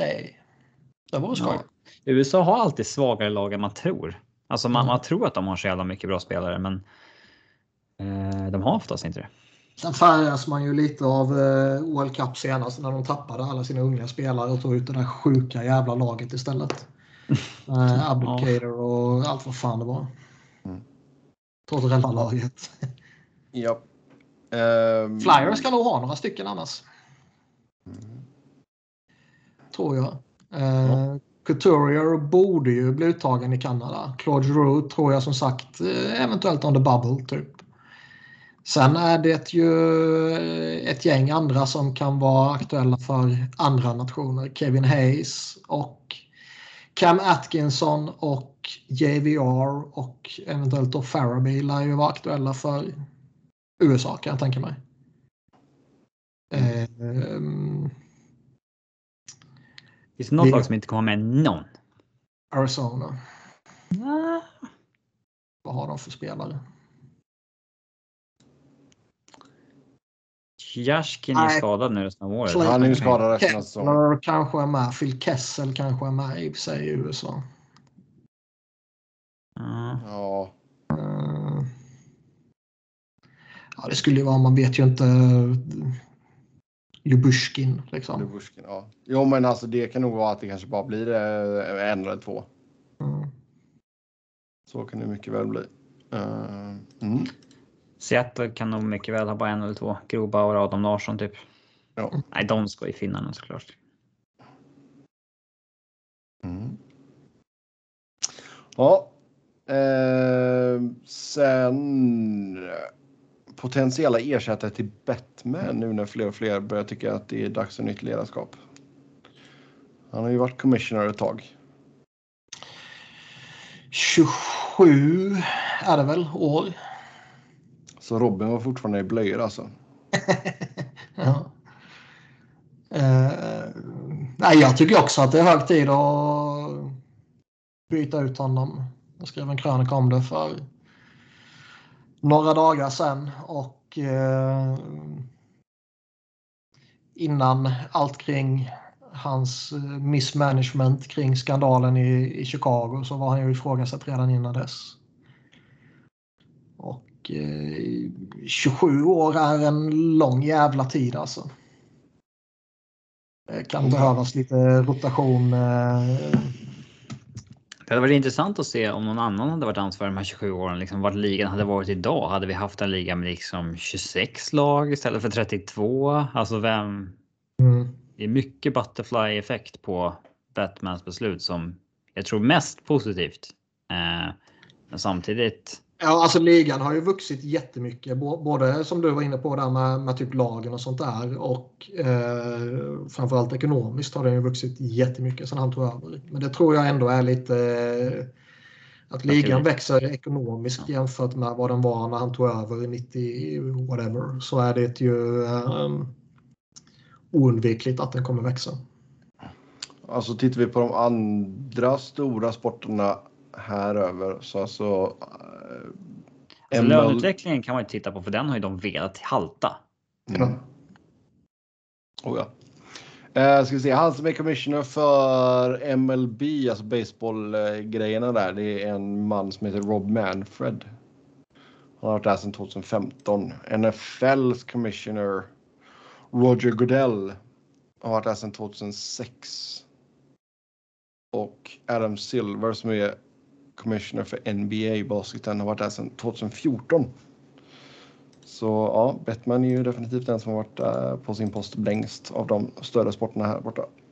Jag tycker absolut att en commissioner sådär kan behöva sitta en, eh, en bra period för att uh, saker ska sätta sig och kunna få igenom grejer och sådär. Men det har ändå varit 28 jävla år, 27 år eller vad det har varit. Och eh, det har varit återkommande lockouter, det har varit eh, återkommande situationer där man bevisligen inte bryr sig ett skit om spelares säkerhet med hela den här våld mot huvudet. Eh, diskussionen som dött ut lite känns det som, men som fortfarande finns där och präglar eh, honom. Det, det finns ju en del grejer ändå. Mm. Som gör att man vill byta ut honom. Framförallt så tror jag inte att han är rätt man att leda den här eh, ligan in i en ny era om man tar just det här att eh, koppla det till vilken effekt man vill få ut efter den här Chicago-skandalen. Ja, alltså det krävs, nu krävs det en GM som eh, på riktigt tar det här ah, hockey is for everyone och så vidare. De frågorna på allvar och inte bara har det som en sån PR-grej. Ja. Eh, och det vet man inte om Batman är eh, kapabel till. Sen ska man ju säga det också att Gary Bettman är ju i grunden bara en front och en puppet för de 32 ägarna. Ja. Och så länge inte han gör vad de vill, då är ju, alltså, alltså, om han inte gör vad de vill, då är det han som ryker. Ja, då kan han ryka och de eh, eh, Board of Governors har ju rätt, och, eller rätt, men har ju möjlighet att plocka bort honom och tillsätta en ny och allt sånt där. Och eh, som vi har nämnt tidigare när vi har pratat lite om eh, Chicago-skandalen och sådär så tror jag att det är väldigt många ägare som tycker att Gary Bettman eh, gör det här bra och det enda felet är att eh, Chicago blir påkomna. Mm. Men eh, skulle han plockas bort av den ena eller andra anledningen så känns det ju självklart att Bill Daley kommer ta över. Ja, det är ju ganska naturligt att det blir Han så. är assisterande nu. Har varit i många, många år. Ja, Eller hur länge har han varit där? ja, det är rätt länge nu. Jag kommer inte ihåg exakt, men det är rätt länge. Och jag menar, det, lockouten 2012 i alla fall. Mm. Jag menar de där gubbarna, de, det är ju samma sak som det är kring coacher och GM. Så där har man väl kommit in i NHL-familjen så är man ju där forever.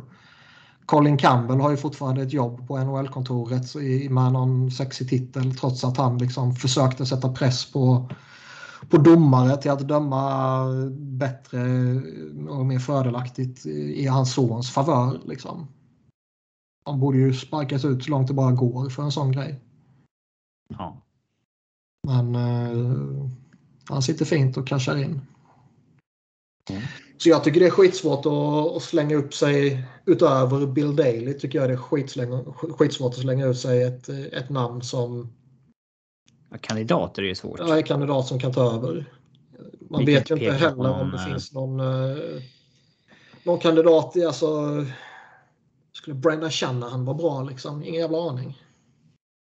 Vad skulle han vilja nu när han har fått sitt lag? Ska Ja. George Parros ta över? Ja, för fan. Han nämndes ju för övrigt som kandidat till att ersätta Bob Murray i Ducks. Ja. Herrejävlar. Mm.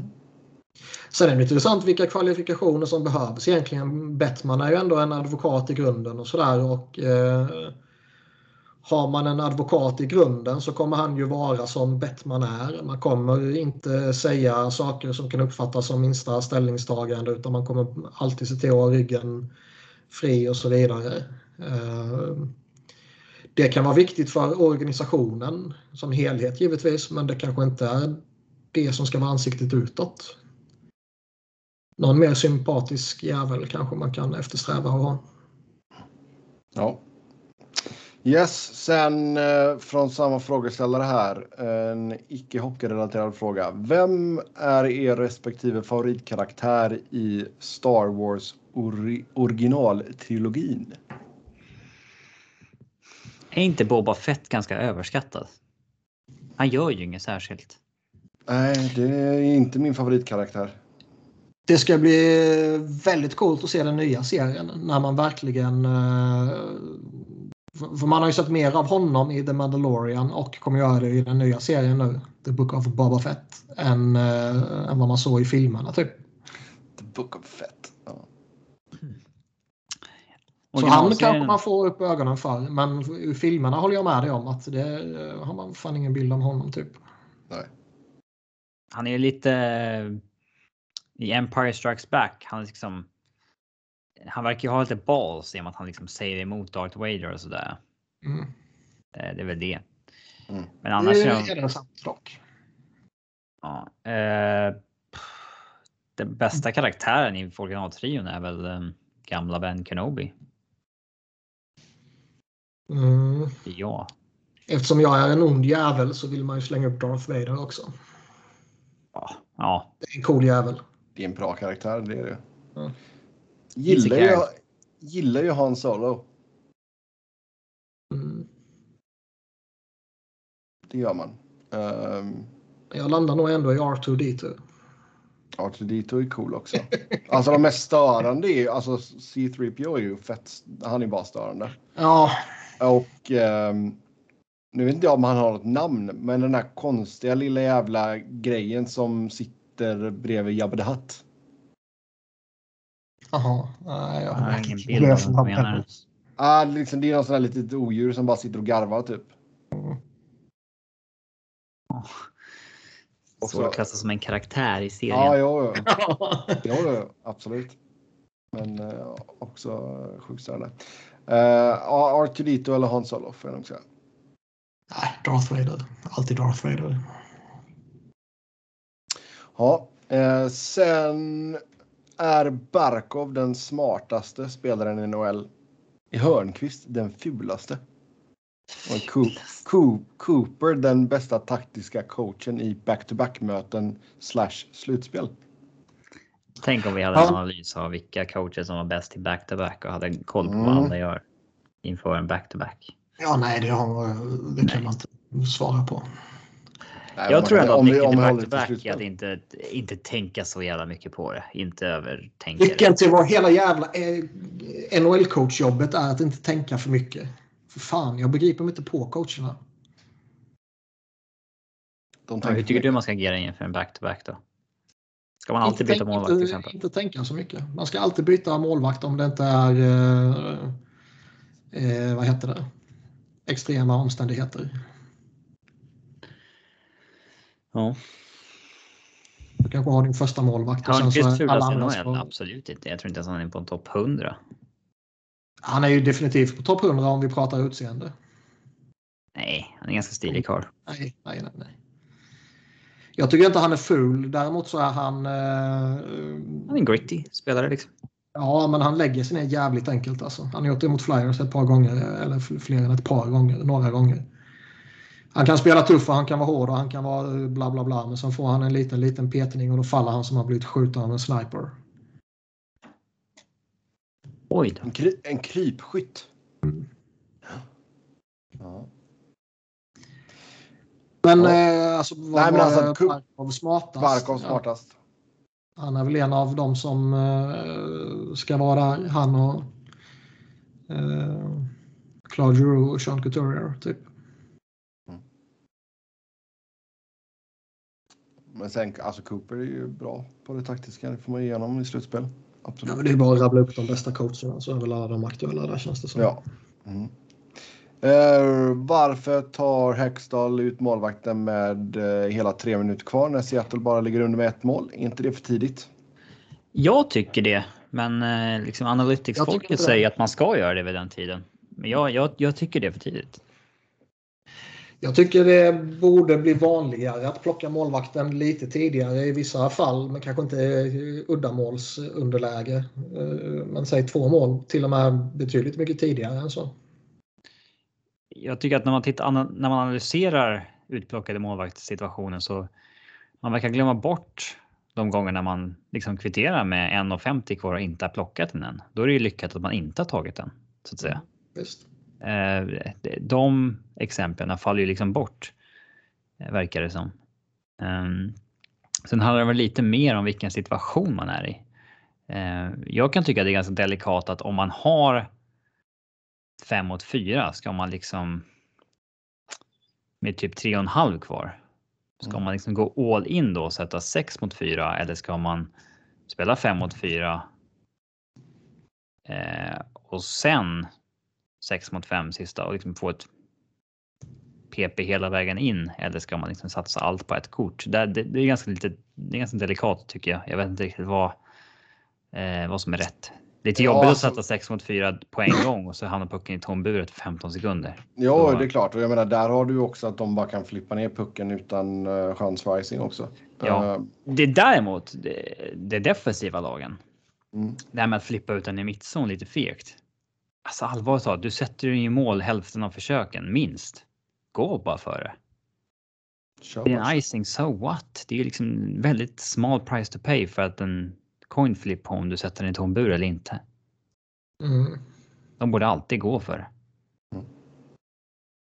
De kommer att bli så jävla utskällda om de inte gör mål. Så det, Man har ju inte så mycket att tjäna på att flippa ut den i mittzon lite löst så att de kommer tillbaks i en rush om 12-13 sekunder. Nej, jag håller med dig. Men det är väl så det är. Mm. Men jag kanske, är, jag kanske är färgad av Flyers. Men det känns ju också som att man, man plockar målvakten med en minut kvar och eh, en minut går rätt jävla fort om man inte lyckas ta sig in och etablera spel i offensiv zon. Oh, ja. Och där kanske man har färgat som Flyers genom åren. Det känns som att de misslyckas med det jätteofta. Så jag är väl lite för för att plocka, plocka lite tidigare. Mm. Ja, eh, sen vad tror vi nu om McDavid och Eichel i samma division? Eh, som typ Crosby och Ovechkin. Kan det trigga båda två? Ja. Jag tror inte Ja, är- Eichel är den profilen. Jag, tror- jag tror han... Jag har väl haft två elitspelare i samma division förut. Det är Ja. inte riktigt samma. Jag tror väl att han, eller, alltså han, han är ju jätteduktig så. Och jag menar, träffar han rätt så är han ju topp 3, topp 5, topp 10 i ligan typ.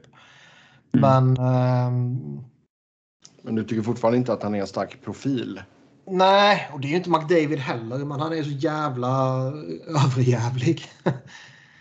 Eh, så det han gör på isen, alltså Det väger upp Sjuka- det robo robotiska uppförandet. Ja, men han är alltså han och Sidney Crosby, de är ju så helvetes tråkiga. De är ju... Deras personligheter är ju verkligen inte värda att marknadsföra. Eh, däremot är ju deras hockeyspel värda att marknadsföra. Och Jack Eichel är ju... Du, känner inte, du känner inte att eller Crosby skulle kunna göra en sån eh, fin reklam som Ovechkin gjorde med, med Bäckström? Det kommer ju kännas extremt fel. Det känns ju väldigt mycket Ovechkin över en sån. Så jag vet inte. Och en, en sån grej. Det känns svårt att bara tvinga fram en sån grej efter. Eh, eh, vad fan blir det? Åtta år? Sju år?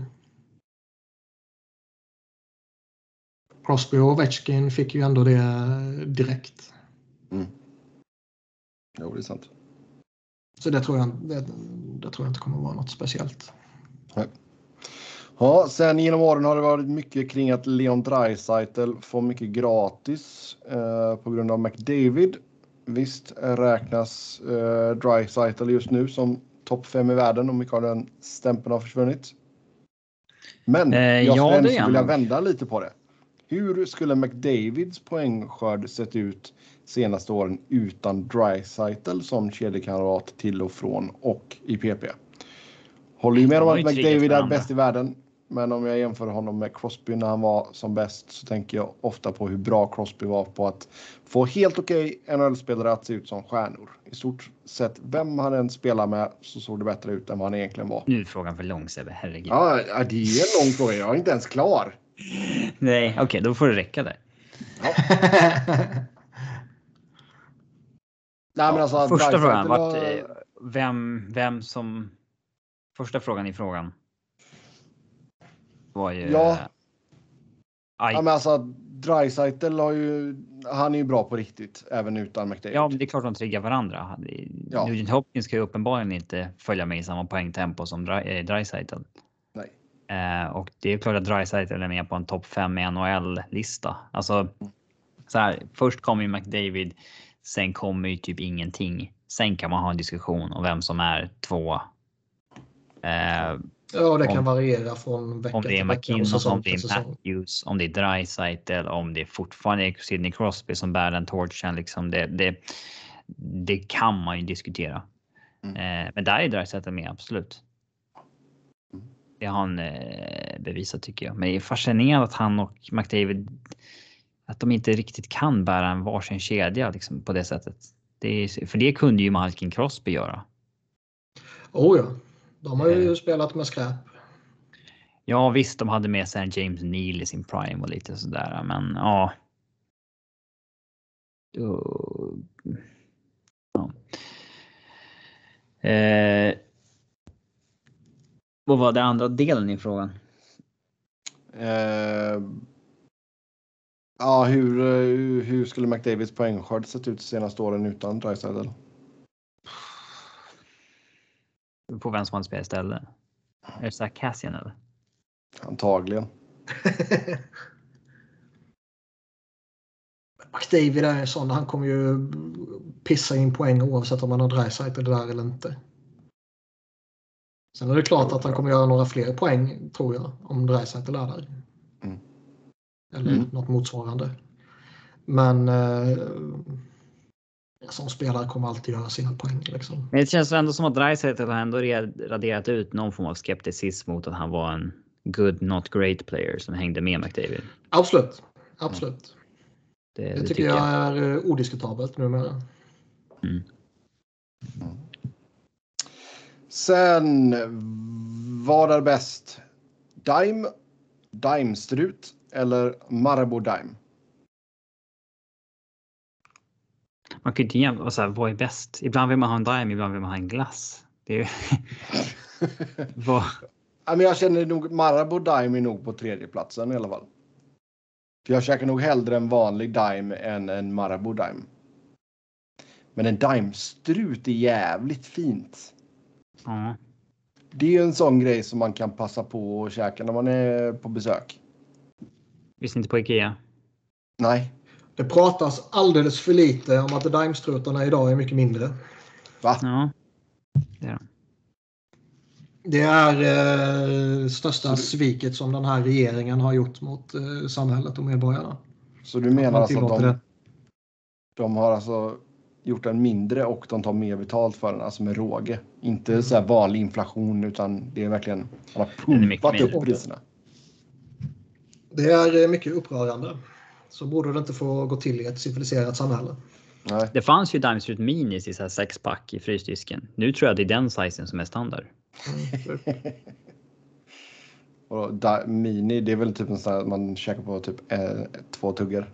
Ja. Nej, Nej, det är inte typ som de här Dime, eller inte Dime, eh, vad heter de? tänk dig Eh, large, medium, small så är det från large till medium nu. Ja, okej. Vad fan, vilka är det jag tänker på nu? Ehm, Magnum? ja, just det, de här Magnum, de här små Mhm. dessert, eh, Nej, inte så. så här, lite folie typ. Mm. Det finns Nej, ju däremot, Di- Daim-tårta finns ju eh, på Ikea. Den här Mm. från Al- Almonde är det va? Mm. Den är helt okej liksom. Men där, Absolut. käk, där käkar jag nog också hellre en Daimstrut faktiskt. Ja, eller eh, alltså Daimglassen i, i, eh, i box eller vad fan man säger. Ja. Ja, Jag insåg ju nu efter 15 år i det här landet att vi har en, en någon liknande till Daim som heter Heath Bar. Eh, snodde jag en ur eh, dotterns. Snodde eh? Ja, hon fick ju fan 10 kilo godis på sin jävla halloween eh, trick or treating. Vet du. Så det är klart man snodde lite. Vad fan ligger glass i en sån? Nej, nej, alltså det är inte glass utan det är choklad, alltså som en Dime, eh, vanlig Dime liksom. Jaha, Daimchoklad menar jag. Jag trodde, Ja, jag exakt. trodde vi var Nej, kvar nej. på glass. Nej, alltså hade de gett ut glass, det hade ju varit guld. Ehm, Den är ju smält när man kommer hem. ja, men då får man ta med sig en frysbox eller någonting. Något jävla vänster kan man lösa det på. Nej, man vet aldrig fan ibland här. Alltså, det var ju... Vad var du utklädd till? Jag var inte utklädd till någonting. Gandalf hade jag gissat på. Så. Nej. Eh, jag var inte med och, och trick or treatade. Uh, och gick med några klasskompisar istället. Men det var något, alltså tre år sedan kanske, då hade vi ju fan snö på halloween. Så då hade ju glass funkat. Det är ju trevligare att äta glass när det inte är snö. Glass kan man alltid äta. Mm. Jo, Nej, jag var inte, man är inte jättesugen på glass när det är liksom minus 25 ute och man eh, traskar i övergiven downtown. Väldigt sällan det är minus 25 här också. ja och hur ofta... Enda gång jag har varit i Buffalo så har det varit minus 25.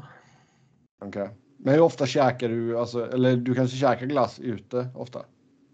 Att du går runt på stan och käkar glass liksom. Du går ner på torget. De pratade om, ja. Går runt till. Går Där ser ni Niklas gående och käkar en glass Ja på exakt, han torget går i runt och käkar glass på torget. Det har många tänkt. Han går ner, han går ner till, eh, jag vet inte, Jag korvmojen kanske har äta någon glass glass. på torget.